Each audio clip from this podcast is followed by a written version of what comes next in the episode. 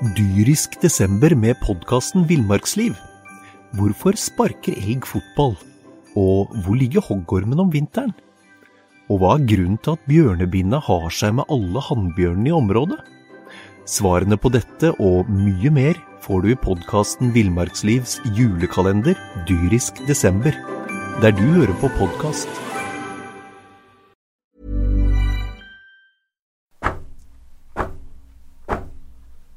Tungvekterne, en podkast om sport fra Østlandets Blad, med Knut Stenseth og Magnus Gulliksen. Da var vi i gang igjen.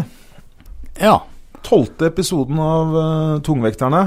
Vi sitter her i studio i uh, Holtevei Energi. Kjempebra tima. 5-6-28 grader ute, eller? Ikke akkurat nå, for nå begynte det å regne. ser jeg ut av Begynner det å regne? Ja, gjør det. Så Ja, vi er i Norge, ja. søndag formiddag. Uh, du har egentlig ferie, Knut. Ja, egentlig ferie. Jeg var på Kypros i forrige uke. Der, der regner det ikke. Det gjorde nok ikke det. Det gjorde det vel litt her hjemme, tror jeg. Vi, Ja. du, veldig fint at du tok deg tid til å komme i studio og spille inn en podkast midt, i- midt i ferien. Vi har nemlig Vi må holde det gående. Det er jo litt av eh, Vi får vi har, mishagsytringer og kjeft uh, hvis det går for lang tid. vi har, eh, vi har nemlig ganske en ganske tettpakket program i dag også. Vi har, eh, så kom tilbake til, vi har funnet kappgjengeren, som vi har Ja. Eller vi har ikke funnet den, men eh, vi fikk hjelp av eh, mister friidrett i Follo, Atle Guttormsen. Han har fortalt Og det var ikke noen hvem som helst. Som Det var ikke, det var ikke en vanlig tur, turgåer som Vi skal avsløre, Du har sett. Vi skal avsløre han.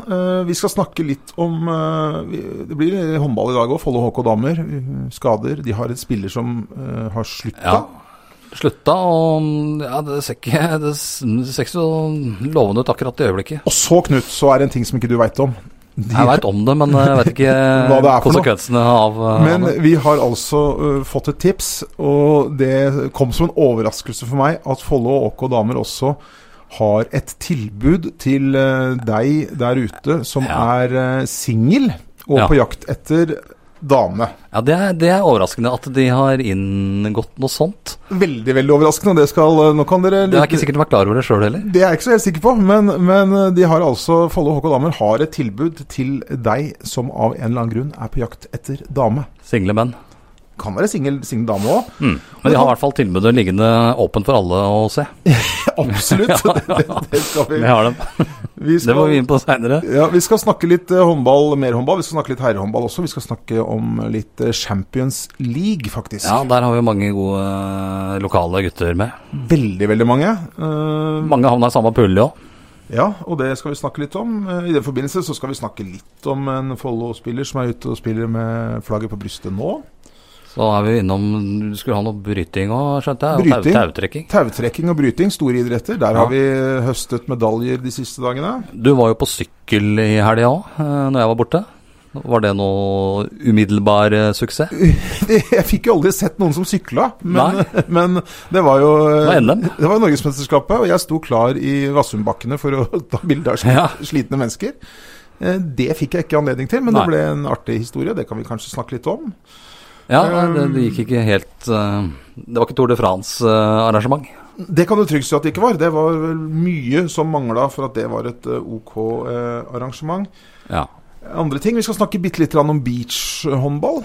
Beachhåndball, ja. Verdensidretten eh, beachhåndball. Der er det kommet eh, medaljer til vårt distrikt. Vi har eh, to ivrige followers-gutter som gjerne vil at vi skal snakke om Drøbak-Frogn sin nedtur. Det kan hende at vi snakker litt om, eller det skal vi snakke litt om. Ja. Eh, vi kan også snakke litt om eh, hva followers planlegger i morgen mandag. Ja, da, da er det Follo-kamp igjen. Ja. Så vi kommer vel igjennom på en liten time i dag også, Knut. Det tror jeg. Vi, kan, Hvor starter vi? Kappgjeng i kappgang, kanskje? vi snakker med kappgang, fordi uh, dette vi, nå må vi litt tilbake i tid. Ja, for det var jo Du observerte en som uh, dreiv med kappgang langs uh, Sigrudveien. Ja. Langs Vevelstadveien, var det? Mellom, det var mellom, eh, mellom Langhus og Ski, Ja, eh, på gangfeltet der. akkurat. Og så lurte vi på hvem er det, for vi hadde, jeg har jo aldri sett en kappgjenger i vårt distrikt før. Og han var ikke noe sånn Jeg så jo på han at dette var en fyr som hadde gått før. Ja. Han var ikke på tur med bikkja, sånn som Nei. du er på søndagsformiddagen. På ingen måte. Og vi etterlyste informasjon om hvem dette kunne være. Og eh, Knut, du har fått en melding. Vi fikk en melding, eller jeg fikk en melding av uh, Atle Guttormsen, pappaen til uh, norgesrekordholder i stav, Sondre. Ja. Han Og- visste hvem dette var. Han visste hvem det var, og hadde snakka med nå. Og hvem var det? Det var Håvard Haukenes. Og da ringer det sikkert ikke en bjelle for alle lytterne våre. Nei, han er vel eh, Er han blitt 19, 19 år? Nei, Nei, han er han Ni- 29 år, er han. 29 år, Ja, 29 år. eh, men han Han har, er født i 90, han er født i 90. Uh, men og han er fra Bergen. og han har sjetteplass i OL. Sjuende. Sjuende var det. Han er fra Norna Salhus. IL idrettslaget Norna Salhus. Jeg tror alle kappgjengere etter at eh, Tore Strømøy ga seg, er fra Norna Salhus. Ja, forhåpentligvis eh, holder de sånn der. Ja. Der er det sikkert et bra kappgjengermiljø. Ja, Men han han har var, altså NM-gull på 20 km kappgang fra 2014. ja. Han har masse medaljer fra NM. Og de går femmila i kappgang og greier. Fem mil var det han uh, gikk i OL, under OL i Rio i 2016. Da ble, Da ble han nummer sju. ja. og, så han er bra. Eh, Han- og han var sikkert på en langtur da når han eh, mot ski. Nei, ifølge Atle så var det Disse kappgjengerne liker jo at det er flatt. Ja. Og nok en gang, da, eh, så må man jo skryte litt av Sigrid, der alt ligger til rette for eh, Kappgang. god kappgang. Ja. Der er det ganske flatt, mellom Sigrud og ja, Klemetsrud inn mot Oslo der. Ja. Helt flatt. Vi har ikke et, vi har ikke et kappgangmiljø på Sigrud, men vi har et bra sånn subbe rundt-miljø, syns jeg. Subbemiljø har vi. Ja. Det var en subbe rundt der. Ja. Eh, ja. Men han er altså på et høyt internasjonalt nivå, ranka som nummer 11 i verden på 50 km. Da eh, er det litt deilig da å vite at mine våkne øyne eh, har Jeg ser jo umiddelbart om dette er en god eller dårlig kappgjenger, og jeg slo tidlig fast at han her var god. Det overrasker meg mye hvis ikke du er i eh, NRK-studio under eh, tidlige sendinga fra Kappgang-OL eh, neste gang det arrangeres. Jeg skal, eh, jeg skal lese meg enda mer opp, så jeg blir skarp. Jeg tror nesten ikke det er nødvendig. Nei. Du ser at dette her er en internasjonal eh, kvalitet. Det er det. Eh, det ser jeg på avstand. Men du, eh, nok kappgang. Eh, vi må snakke om eh, Midt i håndballferien så må vi snakke litt om Follo HK damer. Ja, for der har du jobba litt med det mens jeg har vært eh, og kasta glans over stranda i Ayanapa. Ja, fordi de spilte jo treningskamp mot Oppsal på onsdag Ja. i Langeshallen, og der var jeg og så på kampen. Det viktigste er jo ikke treningskampresultater nå i Absolutt ikke. Og det sa jo treneren. Det var da dette ble oppdaga også. Vi, vi snakka med trener eh, Lars Abelsen, var bortreist for anledningen. Så det var eh, assistenttrener Atle Ja. Som leder leda laget. Så jeg snakka med han etter kampen, og så spør jeg liksom hva han la vekt på, og hvordan han syntes dette gikk. Og så sier han det at nei, det var, i dag var det bare ett fokus, og det var, eh, det var forsvarsspillet. Og hva må du ha da? Forsvarsspillere. Ja. Eh, det hadde de for så vidt, fordi at eh, de spilte ganske godt i første omgang, slapp bare inn ti mål. Og han sier jo at nå når, eh, nå når, når Hanne Sofie Vilberg var borte, så måtte de gjøre om Ja. formasjonen litt. Og så sier jeg ok, er hun skada, er hun ferie, hva er det for noe? Vi snakker da om forsvarsbauta Hanne Sofie Wilberg, som eh, Ja. spilte bare forsvar forrige sesong. Så jeg spurte da om uh, hun var skada eller på ferie. Nei da, Hanne var borte. Borte, sier jeg. Ja, hun hadde gått til Rælingen. Eh, det hadde ikke vi fått med oss. Det var noe, det var noe så. Det kan vi mene mye om, men, men vi hadde ikke fått med oss det. Eh, og til tross for at det var da 14 dager eh, Det skjedde 14 dager før den kampen. Men eh, det skaper jo problemer for laget, og det var Og de- Og de hadde jo litt problem fra før med Ida Ringlund Hansen, da hofteoperert. Hun er hofteoperert og er ikke klar før til jul. Eh, mangler eh, Hun har definitivt den offensive kraften. Viktigste spilleren offensivt, men også en sterk bidragsyter defensivt. Det er to gode forsvarsspillere som er borte her eh, nå. Ja, og en av dem er jo altså Hanne Sofie Wilberg var jo på en måte sjefen i det forsvaret. Eh, hun var av den Hun hadde en egenskap, eh, det var at hun, hun gjorde feil som alle andre. Men når hun hadde eh, gjort en feil, så var det bare Shit, la gå. Nå skal vi ta neste takling. Så det, det, det, er, det er dumt. Og tidspunktet, selvfølgelig. Å miste Vilberg og så da Ringlund Hansen da med skade, er jo det mest klønete, kanskje, sånn eh, for å rekruttere nye spillere. Ja, det er eh, håpløst vanskelig. Jeg snakka med sportslig leder eh, Christer Hovdsveen Halvorsen etter kampen. og det er klart at, Som han sier til meg, de siste ukene så har han følt seg som hospitant på sin egen arbeidsplass. Det er, Ja. det er, fordi at det, Han, han gjorde ikke som han jeg leste om i ferien. eh, og var nede i Jim Beam-flaska. Nei, det tror jeg absolutt ikke. Harry. Hole.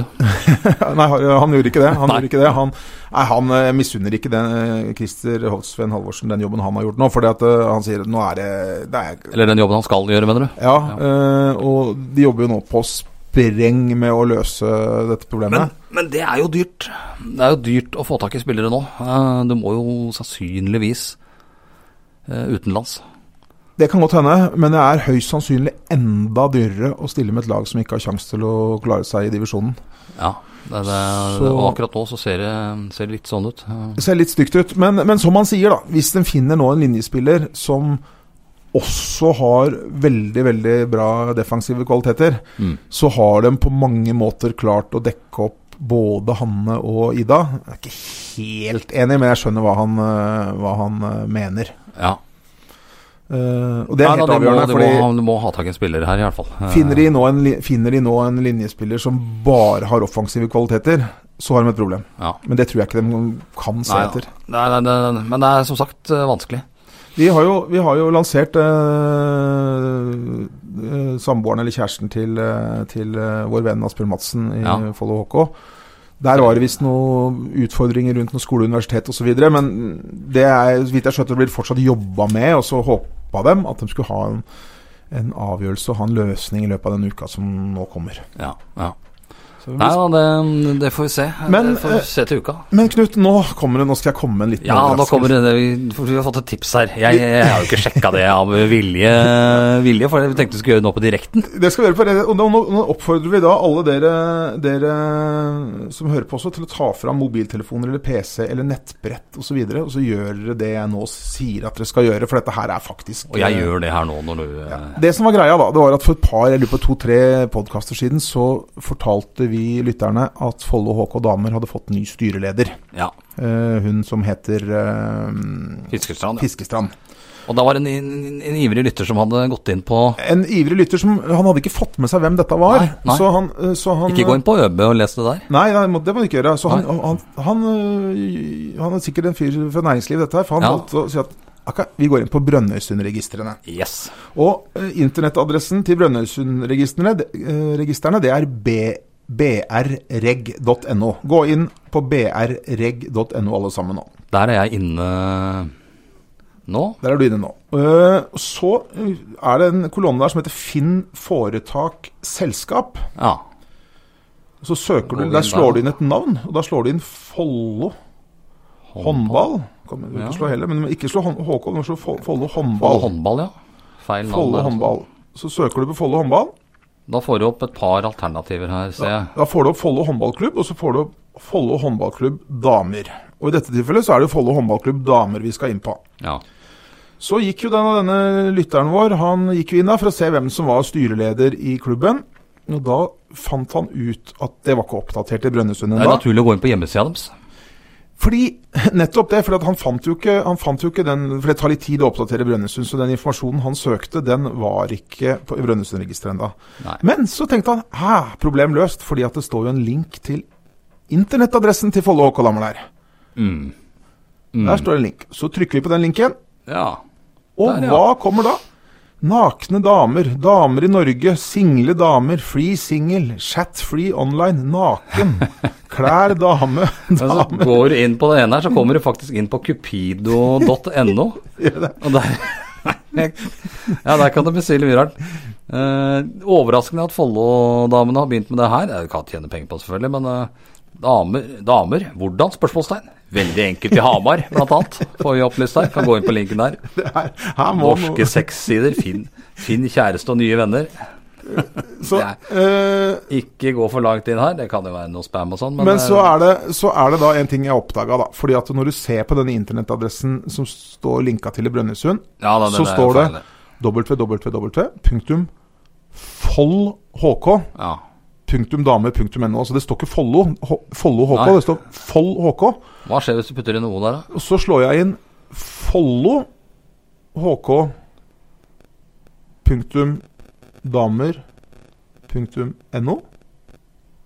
Og kommer inn på nøyaktig de samme sidene. Ja.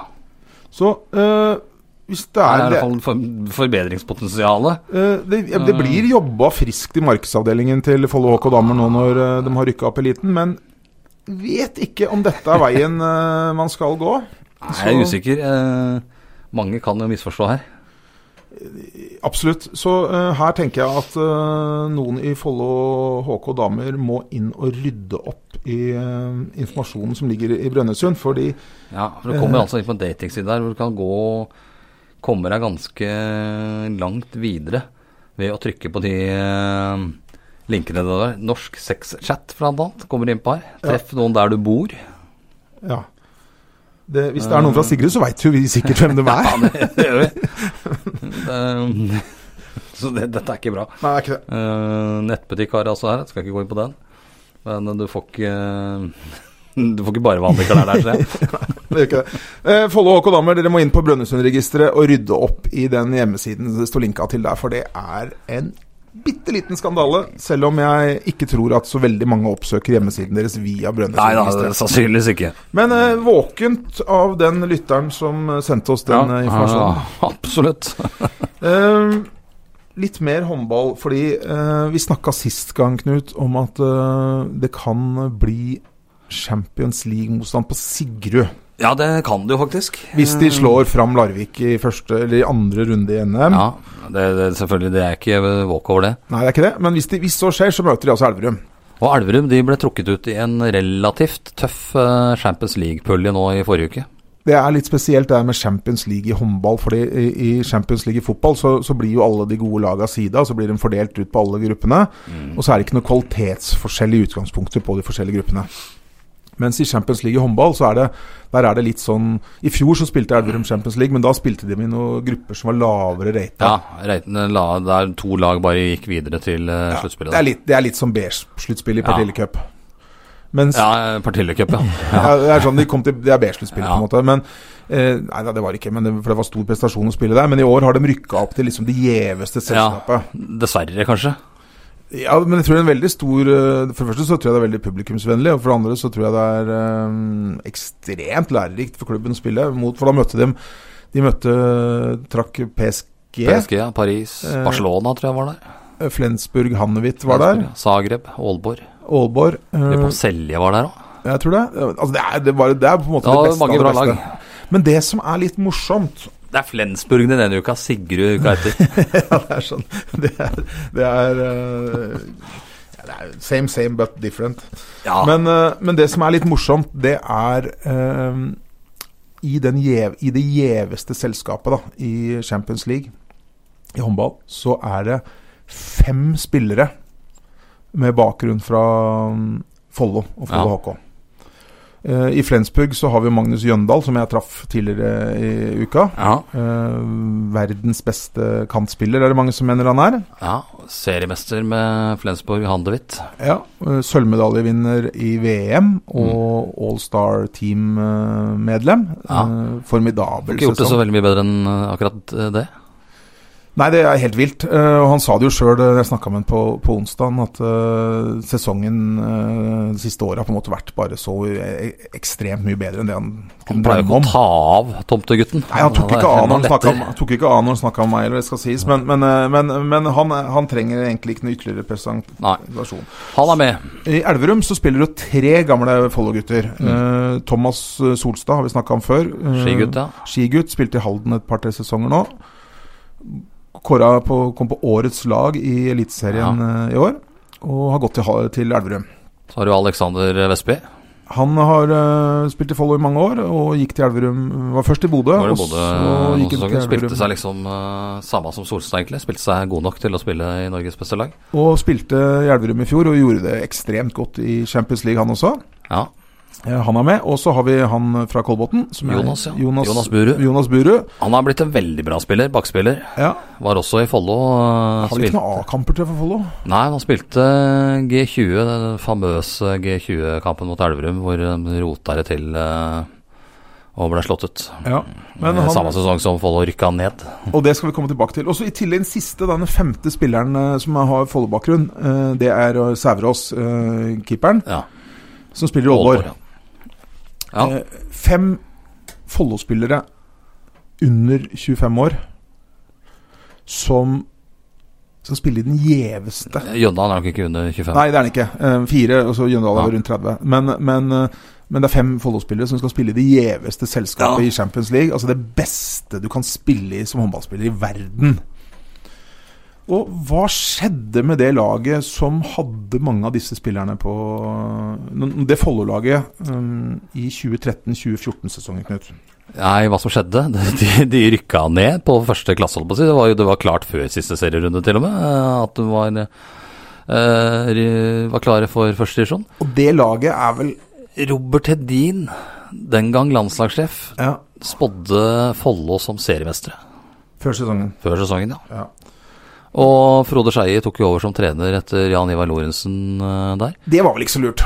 Det var kanskje det dummeste som har skjedd i eh, den 19 år lange historien til eh, Follo HK. Nei, ikke Frode Skeie her. Men det skal sies at alle trodde at dette skulle bli bra. Ja, ja. Og det var vel kanskje det som var litt av problemet. At det var ingen som tok kanskje kamper og trening på fullt alvor. Hva vet jeg for noe? Men å rykke Nei. ned med det laget der, Ja, det, det skulle nesten ikke gå an.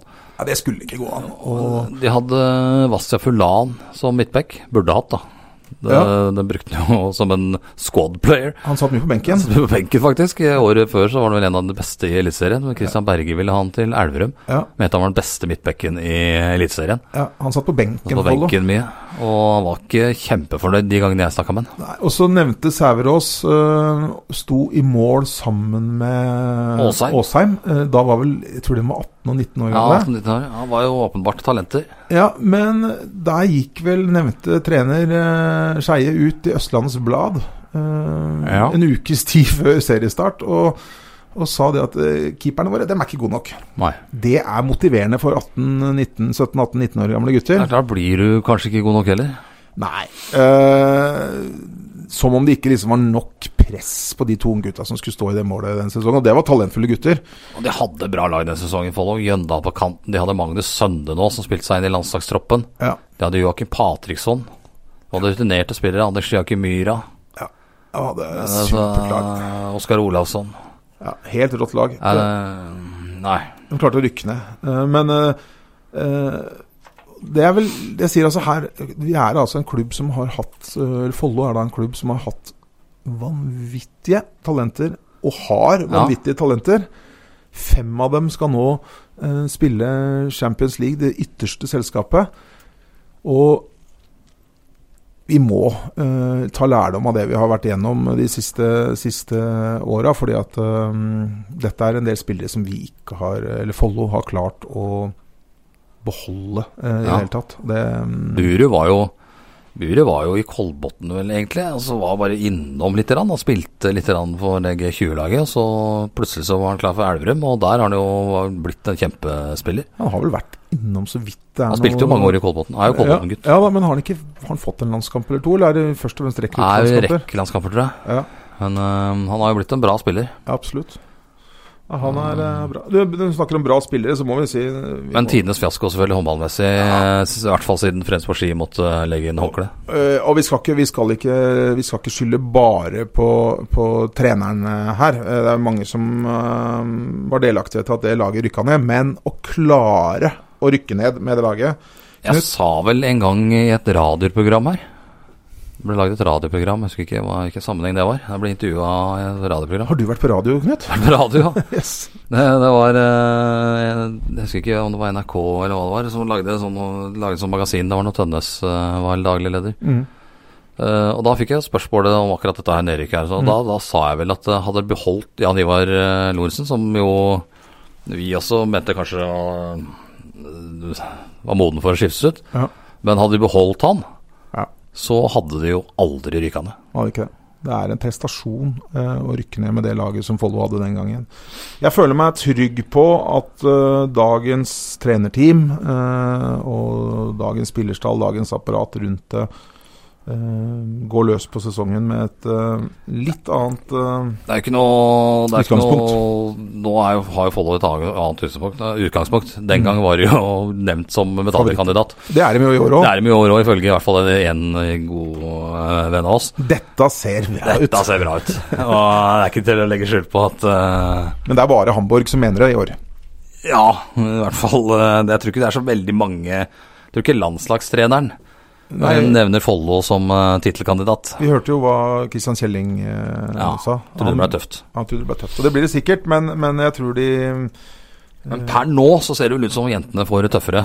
Det gjør det. Det, det gjør det. De må Den, den førstkommende uka nå blir ekstremt spennende for de jentene. For det er hva som kommer på plass av nye spillere. Men du, jeg skal nevne én ting. Fordi at eh, i disse dager, og i disse timer egentlig Jeg tror det er eh, omtrent to og en halv time til, så skal det spilles finale i noe som heter Nations Cup i Tyskland. Det er en uh, firenasjoners uh, landslagsturnering for gutter født i 2000. 2000, ja. Uh, og der er Viktor Helsinghoff, linjespilleren til Follo HK, med. Uh, han, han var i utgangspunktet tatt ut som reserve. Uh, så var det vel noe forfall som gjorde at han kom inn, Mm, mm. og han har gjort det bra. De, eh, så var det Den cupen er, det, er, ikke- det, det er ikke noe VM, denne cupen her, men uh, For det var De hadde ikke klart Enten et lag som hadde trukket seg, eller hva som er. Så i hvert fall Norge har spilt mot Nederland to ganger. ja. Første gangen eh, de vant i går, var det, i går var det vel, mot Nederland 34-33. Da var det jevnt. Og i dag så I fredagen ja, vant de 34-33. I går vant de 40-16. Eh, og så skal de spille mot Island i finalen etterpå. Viktor Ja. gjorde fire mål mot, uh, mot Nederland i går, når de uh, overkjørte dem. Og uh, ser bra ut. Og vi vet jo at han trener godt ja, han er jo ofte der vi pleier å trene. på Sparta. Oftere enn oss, sikkert. Han er litt oftere enn oss. Og så, er det nok litt mer tyngde på de manualene han flytter på, enn det vi flytter på. Si ikke det. Si ikke det. Si ikke det. Eh, det er mer eh, Det er jo en, en avart av eh, håndball. eh, er beachhåndball. Ja. Og det er Beachhåndball I sin tid så trodde jeg det var noe de hadde funnet på for at noen av trenerne i håndballforbundet skulle få seg en sydentur. Ja. Det, det er ikke så langt unna heller, Nei, det er ikke det. det, er ikke det. Og det er, så er det Jeg fikk en dette, Jeg har litt dårlig samvittighet, da, for dette her lovte, vi, lovte jeg egentlig kapteinen på Follo gutter 16 beachhåndball, Ja, ja. eh, Mathias Bolivar Jacobsen. Ja. Han sendte meg en melding eh, for en halvannen, 14, halvannen uke, 14 dager siden. og Fortalte da om at eh, de hadde tatt bronse i norgesmesterskapet i beachhåndball. Follo. HK. Follo HK, ja. Og han var kaptein for laget. Eh, jeg liker, det skal Mathias ha for. Jeg liker folk som eh, skriver, altså, bruker tittel i underskrift. Han skriver her sånn eh, Hallo, blir det et lite rom for Follo gutter 16 i beach-NM i neste episode? Med vennlig hilsen lagkaptein Mathias Bolivar Jacobsen. ja. Han har, han har sikkert sånn bredt spillfyrer Laget som Jordan Henderson her. ja, Han har nok spiller med sånn bredt spill, eh, spi, Ja, ja. ja, Ellers så har han den pride. ja, det, Det var jo rett før pride. Så, så skriver jeg det at Så svarer jeg da, som sant er, at jo da, vi hyller jo selvfølgelig alle medaljevinnere. Ja, Og så glemte jeg det. Det gjorde vi. også, også, og Hylla ingenting. Også, men så kom jeg på det etter sist, uh, sist uh, innspilling. Da, så jeg tenkte at nå skal jeg være litt føre var, så jeg sendte han en melding. Så jeg, sorry, vi glemte det. Vi tar opp Ja, neste gang. ja. Men spurte jeg om han samtidig gadd å gi oss litt info. Ja da, så fikk jeg en melding her sånn. Fikk en her forrige dag. Uh, hei, vi var åtte kompiser fra forskjellige lag i området som meldte oss på beach-NM. Hovedsakelig gutter fra Ski. Vi hadde en tren én trening før avreise. Med mål, med mål om å ha det moro. Her prater han ned prestasjonen ganske brukbart. Ja, gjør det. Og vi tok utfordringen på strak arm og startet NM med en seier. Vi kom på en tredjeplass i gruppespillet og tok en sterk og overbevisende seier mot Sandefjord.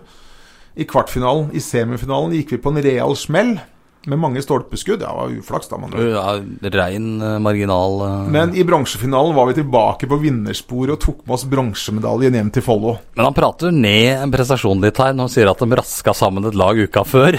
Og trente én gang. Ja. Meldte seg på NM, kom Men tilbake med eh, bronse. Men tok jo medalje. Ja da, og alle vi har Ingen idrett er for liten, ingen idrett er for stor for tungvekterne. Så eh, lagkaptein eh, Mathias Bolivar Jacobsen eh, Ta og hils til eh, de åtte andre atletene på laget, og gratulerer med, med en finfin fin bronseplass fra tungvekterne.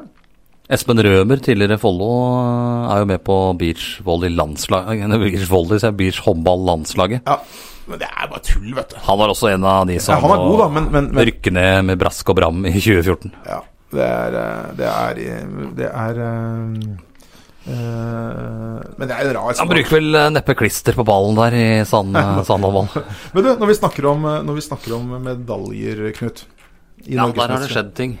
Ja, det har det. Fordi at nå er det NM-veko eh, Ja. i eh, Stanger-området, tror jeg. Ja, det, det er masse NM i alt mulig rart. Det Av de mindre sporter, da. Masse småsporter som har samla alle norgesmesterskapene sine, og så kjører de med en sånn derre Du finner nok ikke noe mindre sport enn tautrekking, kanskje? Eh, nei eh, taut, Jo, det gjorde du, for jeg var inne Ja, på, gjorde det, ja. fordi jeg var inne på nettsiden i, i stad for å finne resultatet. Jeg visste jo at det var lokale utøvere Ja. med. Ski bryteklubb. Ski bryteklubb, ja. Og da, da uh, dukka det faktisk opp idrettere ikke veit hva er. Ja. Rett og slett. Uh, men men, uh, men det, det vi var lurte på da, Vi visste jo at Ski bryteklubb var eh, representert. Og så sendte jeg en melding til Kim Erik Valentin Svensson. Ja. Uh, og han har vi snakka om før i Han har jo Tungvekterne. NM, NM-tittel i vanlig bryting òg, han. Og han fikk jo Han, ble, Han som fikk den i postkassa, som vi snakka om. et par år etterpå, Ja. etter at han hadde brutt, fordi at det var eh, mod, Også han har tatt i doping. Ja. Men han er med. Så sendte jeg han en melding i stad. Så skrev jeg hei, vi skal spille inn en ny episode av Tungvekterne i dag. Hvordan har det gått med dere NM-veka? Ble det gull i tautrekking, og hva med fristilbryting? For det, Ja. den vanlige brytinga som vi ser på, mest på TV, det er gresk-romersk. Pernille og Jan var vel med der òg, så jeg. Eh, ja, jeg har fått en mail her. er Navnet hennes uh, det dukker ikke opp. Men fri, fristilbryting, det er vel eh, Det er litt som Der, der kan du ta tak under, under beltet, skal jeg på å si. Fristil. Ja, det er litt sånn som vi så på Gresk-romersk er bare lov å koble grep på i overkroppen. Var det litt sånn som vi så på Kristiansund-Rosenborg i går? Ja, Rett og slett jeg, jeg syns det er hyggelig at uh, spillere nå kommer ut av skapet. Ja, Og endelig viser at uh, det går an å være homofil i sånn som Ullestad her gjorde, da. For det, det, det, kan, det kan ikke ligge noe andre Nei, balletak, balletak Men er det lov i fristilbytting? Balletak? Nei, det tror jeg ikke. Nei. Men, eh, men i hvert fall så fikk jeg svar da fra Kim Erik her, og han skriver Hei, hei. Ble bronse på meg i sandbrytinga, altså beachbryting også. Ja, sandbryting, det, det er jo en, er en ganske stor sport. Større enn tautrekking, vil jeg tro. Ja, og så ja, eh, ble det gull til Henrik Redegård i ungdom pluss 70 kg. Gratulerer, eh, Henrik Redegård. Eh, gull i NM i sandbryting. Og så ble det sølv til Pernell, Pernille Oddlien. Ja, det er hun jeg snakka om. Ja.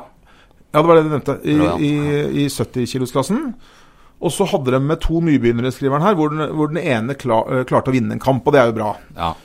Og så ble det Dyrisk desember med podkasten Villmarksliv. Hvorfor sparker elg fotball?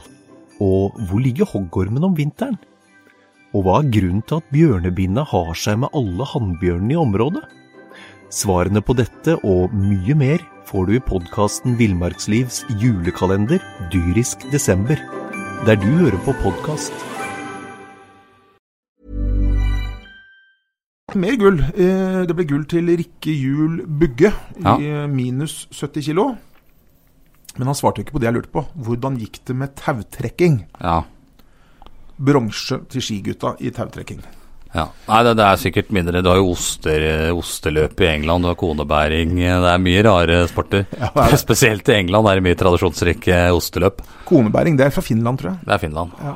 Men, eh, men tautrekking, Knut, det er ikke noe liten Det var OL-grev, hvis jeg ikke husker helt feil. Så var tautrekking med i sommer-OL fram til ja, altså, det er jo 1936, De 1936 gamle grekerne drev jo sikkert med det òg. Det er jo på en måte, det på en måte den ultimate, eh, ultimate styrketesten for lag, da. Ja, det er det. Eh, Vi har jo vi, Du og jeg var jo selvskrevne på tautrekkerlagene. Vi hadde klasse Ja, ja, det Da var det bare å snøre det, stelle seg bakerst og så Ja. snøre det tauet rundt livet. Og bare sope inn resten. Det var det. Ja. Så nei, men det er bra. Jeg syns det er morsomt at, eh, at Ski bryteklubb er med på andre ting også. Dette Beachbryting, fristilbryting og tautrekking. ja. Og de rasker med seg medaljer hjem. Men eh, vi har ikke snakka om noe fotball. Nei. Vi har jo der eh, alltid noen ivrige som skriver 'snakk litt om det FIA'.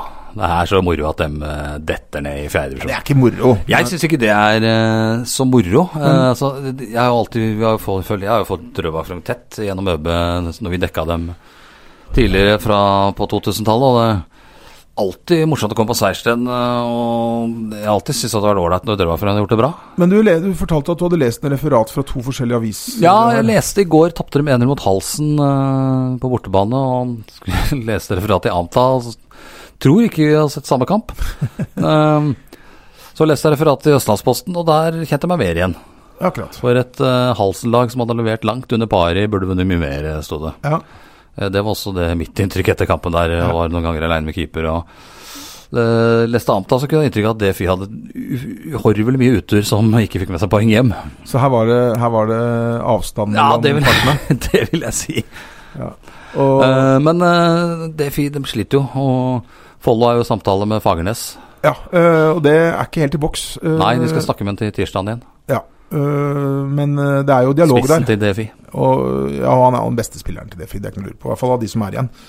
Uh, og mm, det er jo en dialog der. Uh, det var noen agenter og noen greier som gjorde at ting har dratt litt lengre tid, men, men eh, det kan bli noe der, altså. Det kan bli noe der.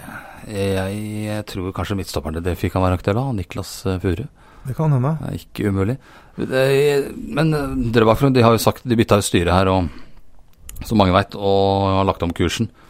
Så de ser kanskje ikke på det som noen nedtur å rykke ned. Eh, skal satse på egne juniorer. Men det, det kan fort bli nytt Selbakk, altså. Bare rase gjennom fjerdedivisjon nå, tror jeg.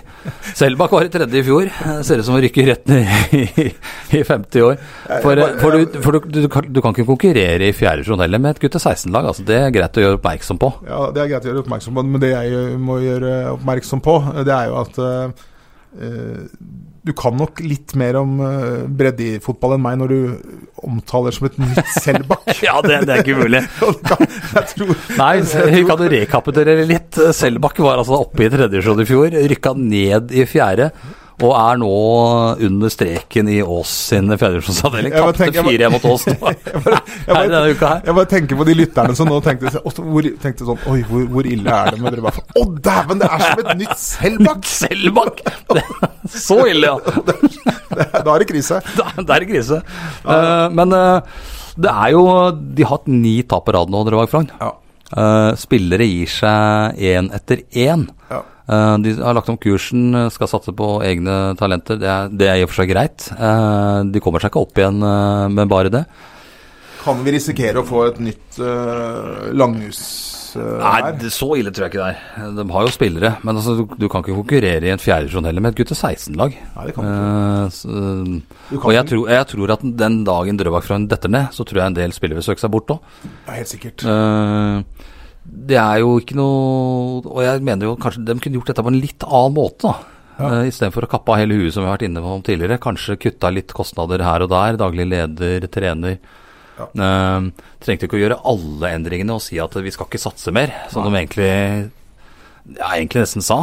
Ja, de sa det, Eh, ja. og en del spillere veit jeg, som jeg snakka med sjøl, er helt uenig i kursen. Mm. Eh, nå er det jo nye trenere der. Eh, Teitur eh, gikk jo, eh, nærmest frivillig. Ja. Um, og de skal jo ha et nytt De skal jo Akkurat nå er det vel, ettersom jeg har skjønt, dugnadsjobbing på trenerne. Ja. Even, eh, Even Ødegaard og og André Jensen. Men de skal jo ha på plass en trener, lønna trener der. Ja. Og er vel sikkert på utkikk etter det, tipper jeg. Eh, Har de, har på, jo de har ikke vært på oss ennå? det har ikke vært på oss, men de må nok saunfare terrenget litt. Etter at de bytta trenere, så har de jo vant de et par kamper i starten, men så har de nå, nå ni tap på rad. Nei, ju- det er Med masse duket, spillere som eh, slutter. Det er duket for jubileum. Ja, jeg ville vel ikke Jeg hadde vel sett meg om Jeg hadde vel, hadde vel tenkt at faen, kanskje vi Kanskje vi må ha en annen trener Ja. etter ni tap. Men eh, jeg vet ikke hvordan de tenker i Drøbak Frogn. Eh, og hva som er målet deres eh, sånn på sikt. Jeg så registrert at eh, i hvert fall de var ganske godt fornøyd med kampen. og skulle satse på, på ungguttene. Ja. Og det er jo det, er, det kan jo være en strategi. Mm. Ski gjør jo det samme. Spiller fjerdedivisjon og syns det er greit. Ja. Men jeg syns det er litt kjedelig at DFI er blitt så dårlig. Ja, Som eh, har sett mange kamper på seierstrend, og når de var oppe i andredivisjon og kjempa, og mener jo at det- Drøbak Frogn skal ha et lag som er i hvert fall og kriger i toppen av tredje. Helt klart. Det er, eh, det, har en, det er jo en klubb med historie. De, Ja, ja, og- de spilte kvalik om å rykke opp til det ypperste eliten i Norge. Og det er mange, også tidligere Drøbak Frogn-spillere, som, som sier åssen er det med Drøbak? Du følger litt med. Og nesten, sånn- nesten sånn lamslått. Oi, er det på kanten av stupet ned til fjerde? Ja. Eh, lukter lokaloppgjør mot Ås neste år. Ja, det kan fort skje. Og da er plutselig Nesodden oppe og nikker. Ja. Nesodden er jo i toppen av fjerde nå. Ja. Er det sånn at du har et tronskifte i eh, Frogn og Nesodden? Det kan hende. Det kan veldig godt hende.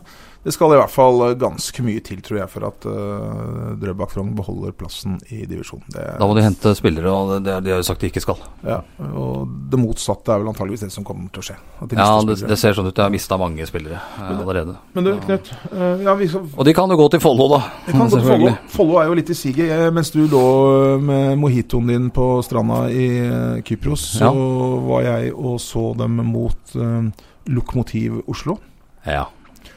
Eh, og det gikk jo bra for Follo til slutt. Eh, det, så jo veldig bra ut. De leda 3-0 eh, til det var igjen 13 minutter, og så glemte de at det var eh, 90 minutter i fotball. Og så Mm, det, det ja, Det blei unødvendig spennende på slutten, men de klarte til slutt å vinne 3-2. Uh, og det var jo da den tredje seieren på rad.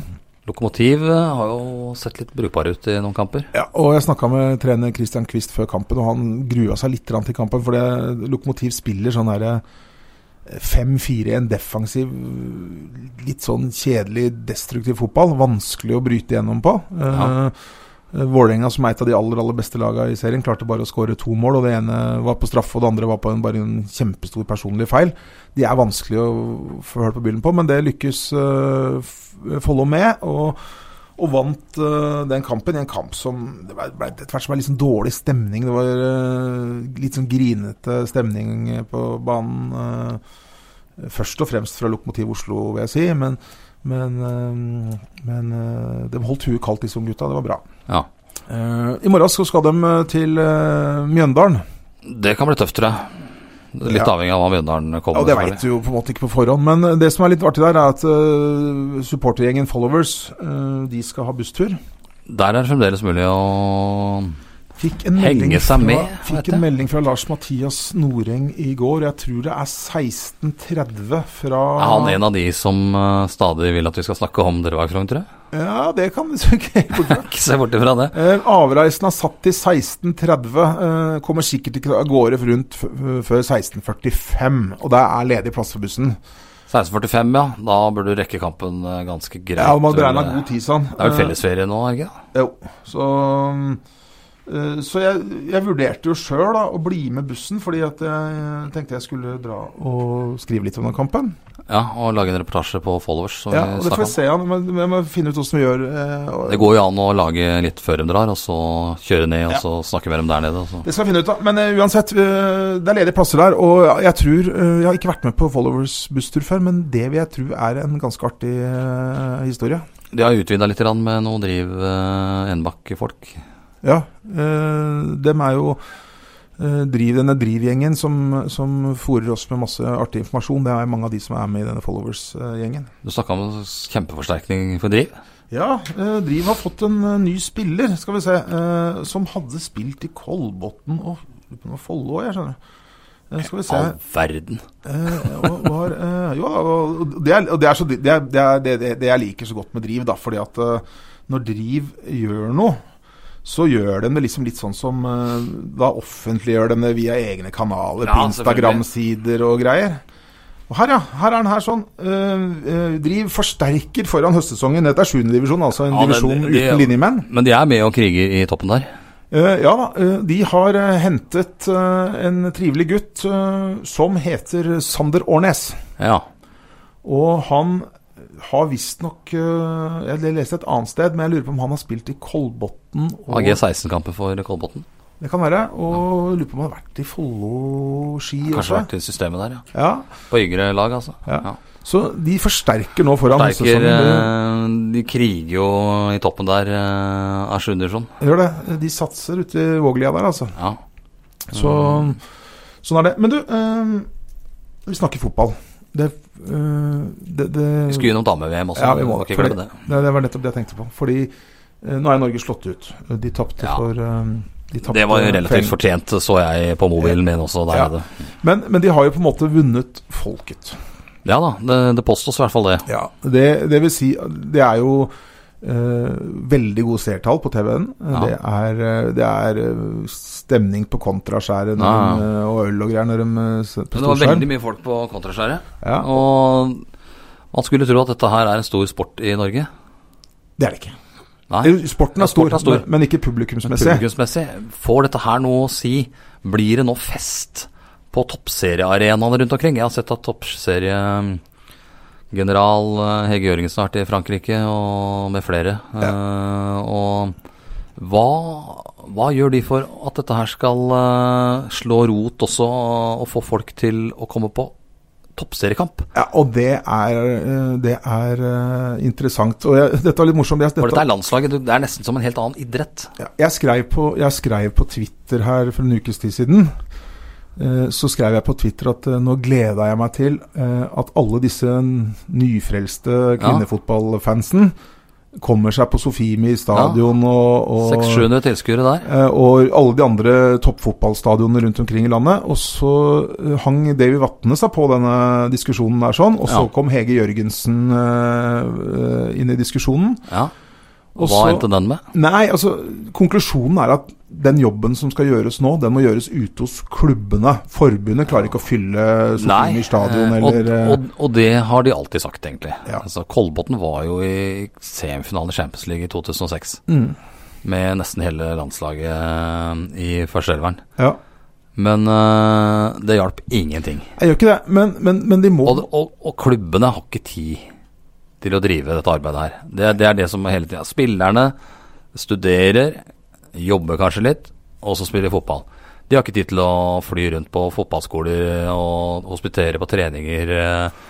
Nei, det kan, men det, er, det er umulig. Det, ja, det kan hende nå. Så leste jeg at nå har de nå har det vært, nå, Jeg tror Hege Jørgensen og den gjengen har jobba godt. Nå er det gjort en avtale med eh, Manpower, Ja, det så jeg. eh, som er sikra var det fire, altså 400 spillere eh, fra toppserien og førstedivisjon, tror jeg, Ja. eh, som eh, gjennom et samarbeid med Manpower ble sikra en form for eh, jobb, uh, trainee-stillinger, eh, som kan kombineres med fotballen. Det er en riktig retning å gå. ja, for de har altfor mye å gjøre. En, en hverdag for en eh, kvinnefotballspiller på toppnivå er, kan ikke sammenlignes med, med Tore Reginiussen i, i Rosenborg, f.eks. Helt, det, det, er, det er natt og dag. Eh, De trener kanskje på morgenen, eh, studerer litt, jobber litt, så trener de kanskje litt på kvelden. Ja. Det er ikke så veldig mye tid til å gjøre arbeid som gjør at eh, man sprer budskapet om at det er et toppserielag i området. Jeg leste om hun Ingrid Hjelmseth, keeperen til Norge, som, Ja. som gir seg nå. Hun, en typisk hverdag for henne. Var, det var om morgenen var oppe på Olympiatoppen og trene styrke. Og så var det å dra på jobb eh, for, som sivilingeniør i Norsk Veritas Mm. eller et eller annet sånt. Og så dra på trening på, på kvelden. Og dette her, det, det der at de skal ha utdannelse og jobb og sånn, gjør eh, gjør jo at spillerne i toppserien At alderen, gjennomsnittsalderen i toppserien er altfor lav. 22 år. Gir seg altfor tidlig. Du får ikke de rutinerte spillerne. De gir seg når de er 25. Eh, Et eksempel er jo bekken til Kolbotn, Cecilie Liane. Ja. Ga seg jo begynte å jobbe i fengselsvesenet, f.eks. En Ja. av de beste bekka i Ja. landet. Ja. Eh, Men uh, har ikke råd til å spille mer, da, rett og slett. Nei, og det er det problemet. eh, Jeg leste, jeg tror Jeg lurer på om, om det var 22,7 er mange eller sånne 21 eksempler. 21,7 år som var snittalderen i toppserien. Uh, og det, det sier seg sjøl. Sånn, blir akter, nå har vi et bra landslag, men, men, hvis ikke det skjer noe, så, så blir vi akterutseilt. Ja, For nå satses det i, i de, de andre klubbene. Det har vi vært innom før. klubber. Over hele, hele Europa satses det big time. Eh, så har jeg også sagt før da, at det, den største feilen jeg tror eh, klubbene kan gjøre nå, er at de, de, hvis de tror at løsningen nå er bare å bli flinke på Facebook og Instagram og, og sånn, Ja. så, så lurer de seg sjøl. Men jeg må le litt, da, fordi at eh, jeg følger jo disse, mye av disse jentene og kv- kvinnefotballen på, på Instagram. Og Solveig Gunn, eh, Gulbrandsen, eh, som er da i Kolbotn, Ja. hun har eh, teppebomba eh, Instagram ja, det jeg har vært inne der og sett. i, i hele VM nå. Ja. Jeg er spent på hva hun, hvordan, hvordan, den, hvordan det fortsetter nå når VM er over. For i utgangspunktet så bør hennes engasjement være enda større til Ja, ja, ja, enn det er til damelandslaget. Eh, så jeg forventer for så vidt at den formidable innsatsen hun har eh, lagt ned For å promotere kampene, ja. Ja, det er helt sjukehus. Det må promoteres eh, Promotere like bra Kolbotn-kampene Ja. og resten av jentene òg, i og for seg. Ja da, absolutt. Og, og, men, men for jobben må gjøres ute hos klubbene nå. Og så ser vi utfordringene med at jentene har dårlig tid. Men da må andre gjøre jobben. Altså. Men det hjelper, ikke, det, det hjelper ikke å slå seg på brystet og si for, Og VM her har vært en folkefest, og det er 50 000 tilskuere. Ja, Og, kjempemorsomt. og det er 20 000 og ser kamper som ikke har Frankrike involvert, liksom. Ja, ja, det er helt fantastisk. Eh, Så det må Det må jo eh, være trist når, eh, når serien om en halvannen måneds tid setter i gang igjen. Uh, og se at det kommer under 200 tilskuere på Sofimer. Ja. Det, kan, det, det kan ikke skje. Men nei, jeg tenker, jeg tenker i hvert fall at uh, Det også, det også er jo et problem, ikke sant. Nå er VM over. Jeg skjønner at spillerne skal ha litt fri, eh, de som har vært med, men toppserien har jo hatt pause allerede en måneds tid. Og skal ha ytterligere en måned pause. Lenge, det starter ikke før i slutten av juli. Nei, det er helt det er håpløst. Skal vi Vi oppfordrer eh, alle lyttere nå, for at eh, de aller fleste av dere som sitter og hører på, har sett en, en VM-kamp. Ja. Kanskje flere. Første anledning hjemmekamp i Kolbotn nå over ferien. Ta dere en eh, tur. Jeg tror dere kommer til å bli Har jo Karina Sævik eh, og Isabel Herlåsen er jo på Kolbotn. Absolutt. Og de har kanskje vært to av de Karina Sævik har kanskje vært den store overraskelsen Ja. for Norge. Spørs hvor lenge Kolbotn får beholde henne. Ja, det er eh, Det er, eh, det blir spennende å se. Jeg hørte Knut Slatleim sa det før, eh, før VM, at hun går vel til PSG, hun òg. det var etter den Ja. vanvittige skåringen hun hadde mot uh... Men hun er jo en av de spillerne som kan være aktuelle Ja, ja. for et utenlandseventyr. Og det, og det er det ganske mange som er. Og det går selvfølgelig utover toppserieproduktet og kvaliteten på lagene her. Guro Reiten fra Lillestrøm, den beste spilleren i Går toppserien til Chelsea nå. Går til Chelsea. Ingrid Syrstad Engen forsvinner Ja. Fra Lillestrøm. Hun Gjør det. Så. Um, Nei, men eh, kan vi ikke bare bli enige, da, du som hører på og vi i Tungvekterne, at den første, den første, den første Kolbotn-kampen over ferien, den eh, drar vi og ser på, rett og slett. Har vi noe mer i dag, eller? Det var det jeg lurte på. Uh, Jeg oppfordrer alle til å gå inn på follo followhk.damer.no.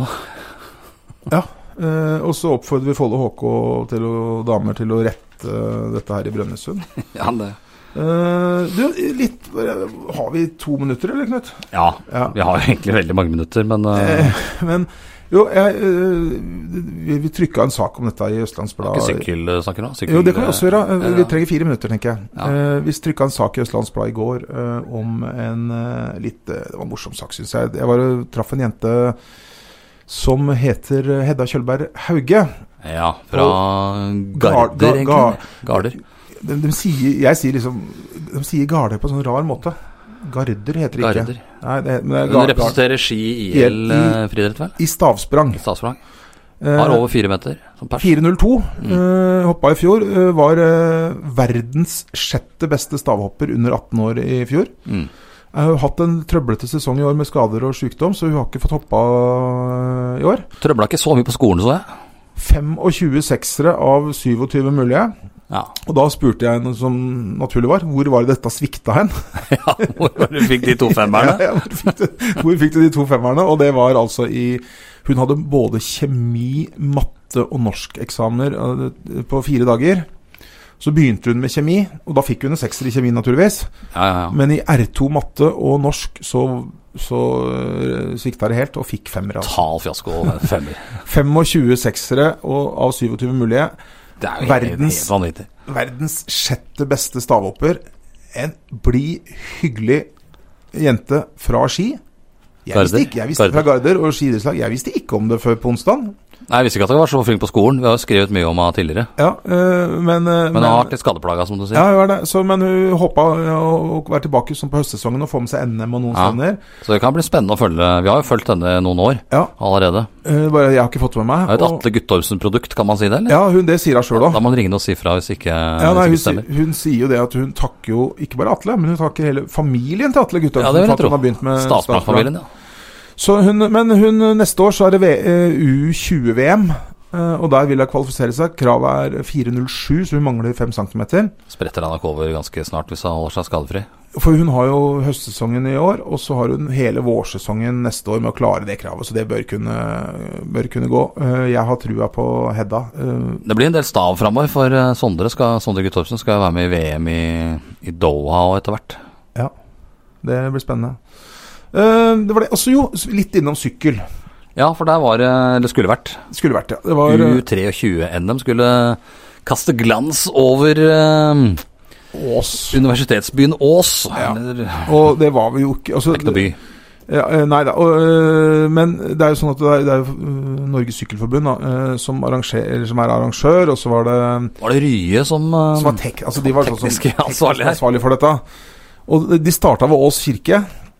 Rye sykkelklubb. eh, Ja. ja. Så var starten og målgang var ved Ås kirke. Og så Ja. skulle de sykle De skulle sykle øh, fire runder, var det vel. Eh, En runde på sånn 18-19 km. Den eh, gikk ikke opp Vassumbakkene. Og så skulle de sykle fire runder, kortere runder, 12-13 km. De gikk opp Vassumbakkene. Det kom vel ingen opp Vassumbakkene? Nei, nei, for, så, så, så får jeg spørsmål om ikke jeg kunne ta med meg kamera og stelle meg midt i Vassumbakkene på det bratteste der. Fyra et bilde av uh, de beste klatrerne i det Ja. Og jeg kom jo, så hadde jeg mista litt på tida, da, så jeg var jo altfor tidlig ute. da, Men f- fikk meg en plass i bakken her og, og greier. Så etter hvert så kom det og mye Det var ganske mye folk der. Ja, ja, og så kom, da kom jo Kurt Asle Arvesen og, og det derre Joker-team og greier. Stelte seg der, sto ved siden av meg og prata. Ja. Og så kom det litt Dårlige meldinger. Dårlige meldinger over Ritterradioen. fordi at da første runden, da, da skulle sykle de, Alle rundene gikk langs Årungen, da. Så hadde det kommet en buss imot, og det er veldig dumt når det kom et felt med 130 syklister, eller hva det var. Ja. Eh, og så hadde det en buss imot, ja. ja vi får, så gikk det greit. Og så, og så begynte det å komme biler imot. Men organiseringa der var vel mangelfull, eller? Ja, det kan du si. Og så, men i hvert fall så, så bestemte de da, når det kom masse biler imot der, at nei, nå må vi nøytralisere rittet. Da var det fire stykker som gått i brudd. Ja. Så de hadde De fikk en kjempelukke. De hadde 30 sekunders luke. Men så fikk de stoppa det, og så fikk de kjørt en, eh, en eh, følgebil. Så kjørte de bare rolig første runden. Og så starta de det hele på nytt igjen. Ja. Da, de fire som gått i brudd, fikk starte da 30 sekunder før de andre. Ja. Og så kom resten igjen. Ja, nå går det fint. Og så kom de langs Årungen igjen. Ikke noen buss denne gangen, men en tre-fire biler imot. ja. Og så var det full stopp igjen. Og da denne gangen fikk de beskjed om at nå øh, må dere bare sykle rolig tilbake til start. Fikk litt mat og greier, og så skulle vi begynne på nytt igjen. pause. Helt på nytt. Ja, Da bestemte de at da skulle de droppe den lange runden. Da skulle de sykle ti korte runder isteden. Altså ti ganger opp Assundbakkene. Det virker jo litt sånn halvveis useriøst òg, dette. Litt grann useriøst, vil jeg si det er. Også, for da fant de ut at da kunne de jo ta alle de vaktene som var planlagt å stå i den lange runden, Ja. Flytte og flytte inn i den korte runden. De innså at de hadde for få vakter, eller? Ja, I tillegg til det så hadde de begynt å sende ut foreldre og publikum som sto i mål. Kom du med være vakter her og der og greier. Så tenkte nå skal det gå fint. Og da begynte det å bli amper stemning i Asumbakken der blant Uno X-lederne og Arvesen og hele gjengen. Ja, for det er, jo, det, er jo, det er jo ikke bare De trener jo for dette her. Ja da, og de, Det, og det kom jo folk fra helt opp i Nord-Norge, ja, det, fra hele fikk landet. jeg beskjed om. Og, de, og de, de slåss jo En ting er om Norgesmesterskapet, men de slåss om det gjeveste av det gjeve innen sykling. Det er å sykle med den der regnbue... Ja. Nederst Ja, på trøya og greier. Regulær skandale, som ja. Ja. Børge Lill ville sagt. Og så, så starta de da rittet for tredje gang.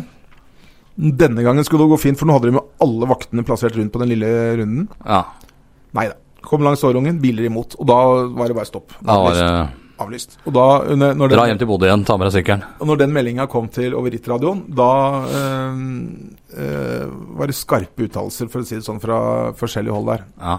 Jeg heiv meg på, kjørte etter Kurt Asle Arvestad og dem inn i depotet der for å få snakka med noen. Og da fikk jeg prata med han som var rittleder fra Rye. Og han var jo helt Han klar. Han hadde Jim Beam-flaske, han òg? Ja, det burde hatt. Men han, han var jo helt klar, da. Det var jo, det var jo bilistene i Follo her som var problemet. Akkurat. Fordi de ga blaffen, rett og slett. De ga rett og slett faen uh, i øh, vakters øh, anmodninger og så Det kan jo være at han har rett, selvfølgelig, men Ja da, høyst sannsynlig. Og de hadde kjørt feil vei gjennom rundkjøringer for å slippe vakter. Ja, akkurat og, sånn, ja. Og, det har, så det så Skulle egentlig mista lappen, et par av disse bilistene. Altså. det, faktisk, det sa han. altså En del av de forseelsene var jo eh, av den sånn art at det hadde vært eh, Ja. inndragelse av førerkort. Kjøre feil vei i rundkjøringa, så Men det var et par ting som ikke var som det skulle. være. Du kan, du kan skylde på, du kan skylde på eh, traf bilistene. Ja, helt sikkert mange idioter. Det har, vi, vi vet jo at verden er full av idioter. Ja, det er 80 eh, en som sa til meg her. Ja, og, men, men det er klart at det visste arrangøren på forhånd òg. Ja, ja. at her måtte nok sikra med noen sperringer, tror jeg. ja, Og skulle- politiet, for eksempel. For politiet var ikke der. Nei.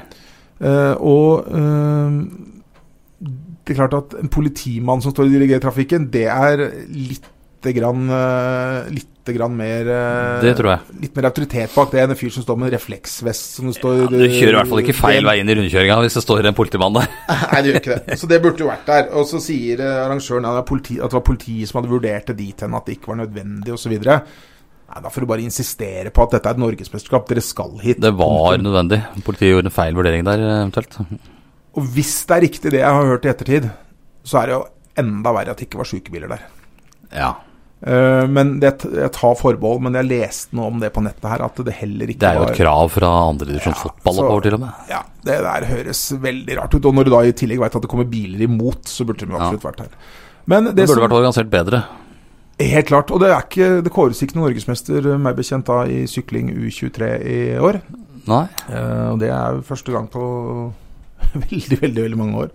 Og Det er litt skandale, og det er litt trist at det skjer i vårt distrikt, men det er ingen av våre lokale sykkelklubber som kan lastes for eh, noe som helst. Var, de har ikke Follo sykkelklubb var ikke med på arrangement. De pleier å arrangere prikkefrie sånne mm, arrangement.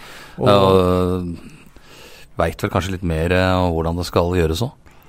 Jeg skulle tro at Rye, som er en stor sykkelklubb, også visste det og har Rye har, arrangert mye ja, Rye har arrangert mye, og, og, og det det er så mye sånne rare begreper i sykkelsporten. eh, der er det jo sånne rittkommissærer, og det er normer og regler, og det er mye sånne ting. Og, og jeg snakka jo med sykkelpresidenten også, og han, og han eh, presiserte veldig da at eh, det var eh, etablert eh, korrekte kommunikasjonslinjer mellom kommissær og tekniker. Ja, ja, selvfølgelig. Men bilisten ødela, kan man Follo-bilistene, altså du som sitter og hører på nå, du har kanskje vært med på å Ødelegge. et norgesmesterskap. Ja. I hvert fall hvis du har svingt gærne vei gjennom rundkjøringa for å øh, passere en, film. Jeg hadde jubla vilt øh, hvis jeg skulle ti ganger opp Vassumbakken og det ble avbrutt, for å si det sånn. Ja, det var, øh, men det var litt morsomt. da Jeg spurte Kurt Asle Arvesen av ren nysgjerrighet, for jeg syns jo Vassumbakken er det bratteste som fins. Ja. Eh, og så spurte jeg han liksom i, I Tour de France så har vi disse kategoriene som er Ja, eh, én, to, tre og 4. ja, og, og utenfor kategori. Ja. Og kategori 1, det er vel det Det er det liksom det bratteste. Eh, Og, eller utenfor kategori 0, da er vel det aller bratteste. Det er liksom Alp d'Huez og sånn. ja, jeg tror det er kategori 4. Det er bratt. Det er bratt. Og så én er eh, første kategori er sånn passe bratt. Å ja, ok, for at han Va- Vassumbakkene var kategori 4, ville, ville Akkurat. han eh, si. Og det er jo bratt der, men den er ikke så lang. Det er jo ikke eh, Tourmalet. Nei, nei, han er ikke så kjempelang. Og øh, mens vi sto der, så gikk vi bl.a. gjennom For det er, øh, på Strava så kan du registrere hvem det er som sykler fortest opp Vassumbakkene. Ja. Og vår venn, vet du, som vi har snakka om før, eh, Hag, eh, Carl Fredrik, ja. Carl Fredrik Hagen, han er den som har registrert den raskeste tiden opp, Ja. eh, eh, opp eh, bakken. Han er jo en klatrer. Og så var det en jeg ikke hadde hørt om, som var nummer to. Tredjeplass. Også en lokal fyr. Arne Post. Ja. Den tidligere verdensmesteren i vintertriatlon Ja, fra Oppegård. Ja, Han eh, er den tredje raskeste opp eh, Vassumbakkene, men vår venn i, eh, i uh, proffsirkuset Lotto Sodal. er den raskeste opp. Ja. eh, registrert via Strava, så er det Ja. sikkert noen som har sykla opp der uten Strava også. Ja. Men uh, sannsynligvis ikke fortere enn Carl Fredrik Hagen. Antagelig ikke. Bratt der, i hvert fall. Ja. Men uh, sykla de opp der nå? Nei. Nei da, absolutt ikke. Ingen. Ingen. Det er jo snart Tour de France. Starter vel eh, neste helg. Rekordmange nordmenn med. Ing, ingen uh, Carl Fredrik Ingen Carl Fredrik, i hvert fall hvis det ikke skjer noe helt spesielt. Nei. Eh, Men det blir spennende å følge allikevel. to favorittene er vel ute. Er det? Både Froome og Froome sykla inn i en vegg i 60 km i timen. Ja, det er jo litt kort, eh, var var litt for kort. kort tid å komme seg på. Ja, det var det. Han valgte å Han skulle Og Geraint Thomas er vel uh, fjorårsvinneren, er vel også ute, tror jeg. Ja. Da blir det Nairo Quintana som det vinner. det kan godt hende det, Knut. Eh, vi, er, eh, vi nærmer oss slutten, vi. Ja, vi gjør det. Du skal fortsatt eh, ha litt ferie, du. Ja, skal ha en uke til. Ja. Men eh, gå inn på follow hk.damer.no. Kos dere der. ja. Eh, Enn så lenge, for jeg tror kanskje at, at den siden blir borte etter hvert. ja, det bør kanskje bli det. Ja. Men, eh, men eh, Og ellers så ønsker vi alle sammen en Når skal vi spille i neste nå, Knut, tror du? Jeg vet ikke. Nei, vi, vi, vi prøver å komme med en sånn feriespesial. neste helg, kanskje. Ja, noe sånt. Neste Jeg skal begynne med litt ferie snart, jeg også, men eh, Ja. vi, vi finner eh, Vi kommer tilbake. Vi finner en eh, tidspunkt. Bare følge med, og så mm, bli gjerne med followers på tur til Mjøndalen i morgen, som sagt. Ja. Eh, 16 De er jo ikke ferdig med serien ennå. Det er jo hjemmekamp neste helg. òg. Ja. Så nei da, det er, Og er ytterligere en kamp etter det, før de tar ferie. der er det lenge til ferie. Ja. Yes. Uh, nei, vi avslutter rett og slett, vi, Knut. Så takker vi vel for i uh, dag. Vi takker for i dag, og høres igjen. Jepp.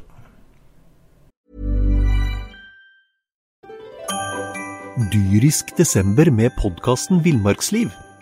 Hvorfor sparker elg fotball? Og hvor ligger hoggormen om vinteren?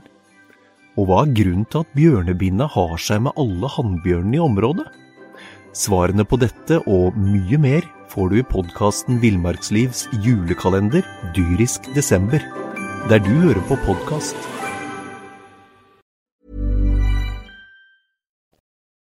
Har du et enkeltpersonforetak eller en liten bedrift? Da er du sikkert lei av å høre meg snakke om hvor enkelt det er med kvitteringer og bilag i fiken, så vi eh, gir oss her, vi. Fordi vi liker enkelt. Fiken superenkelt regnskap.